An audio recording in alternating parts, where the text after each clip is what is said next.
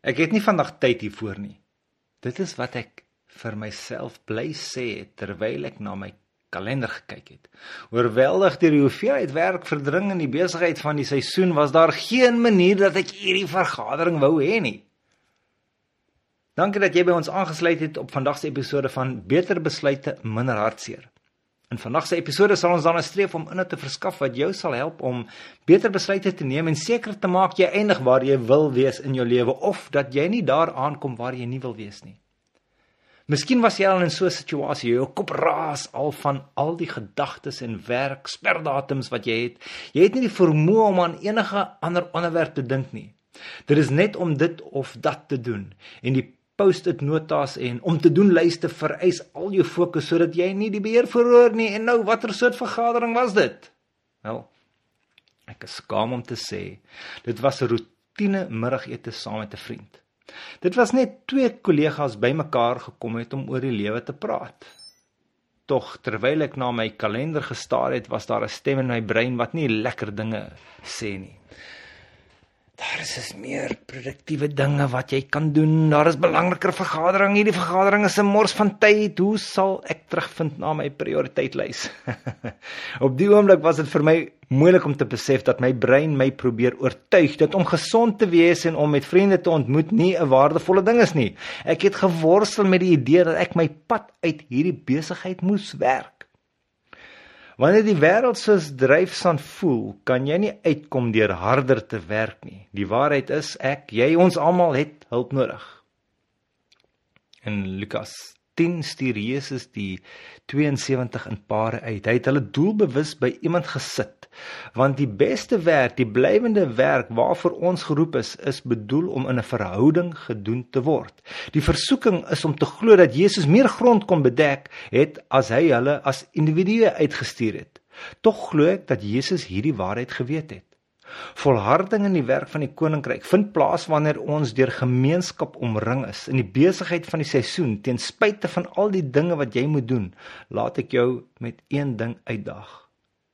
Maak tyd vir mense in jou lewe wat saam met jou wil stap. Laat hulle jou hoor. Breek saam brood en deel die lewe.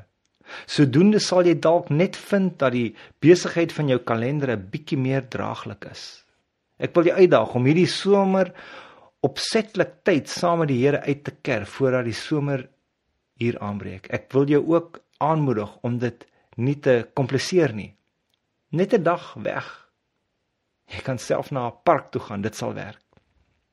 'n Paar ander idees wat jy moeite werd kan wees om te oorweeg. Beplan eendag per maand om weg te kom en te ontkoppel.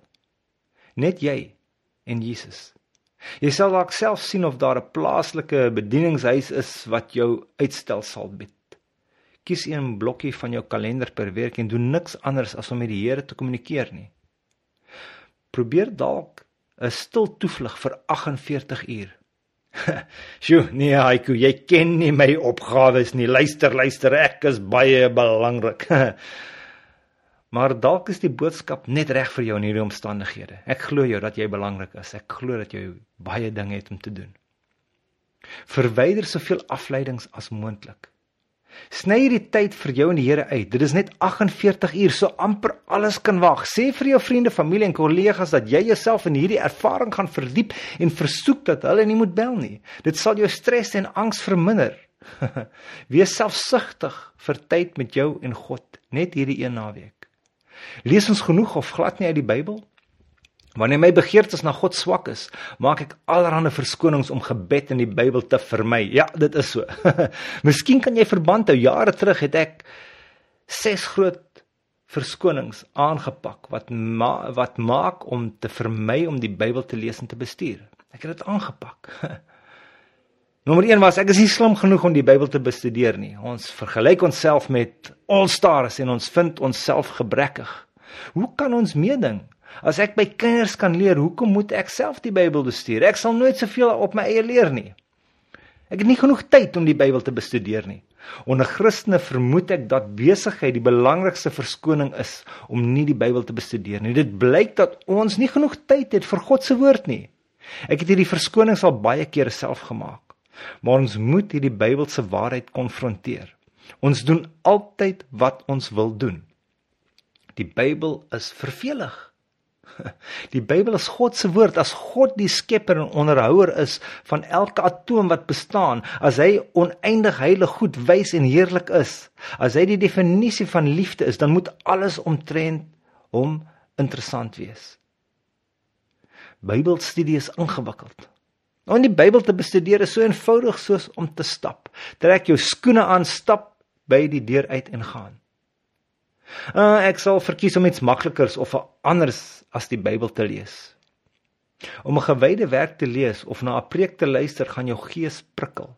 Maar dit is nie dieselfde as ons as om self die Bybel te lees en te bestudeer nie. Jy moet direk uit die mond van God hoor.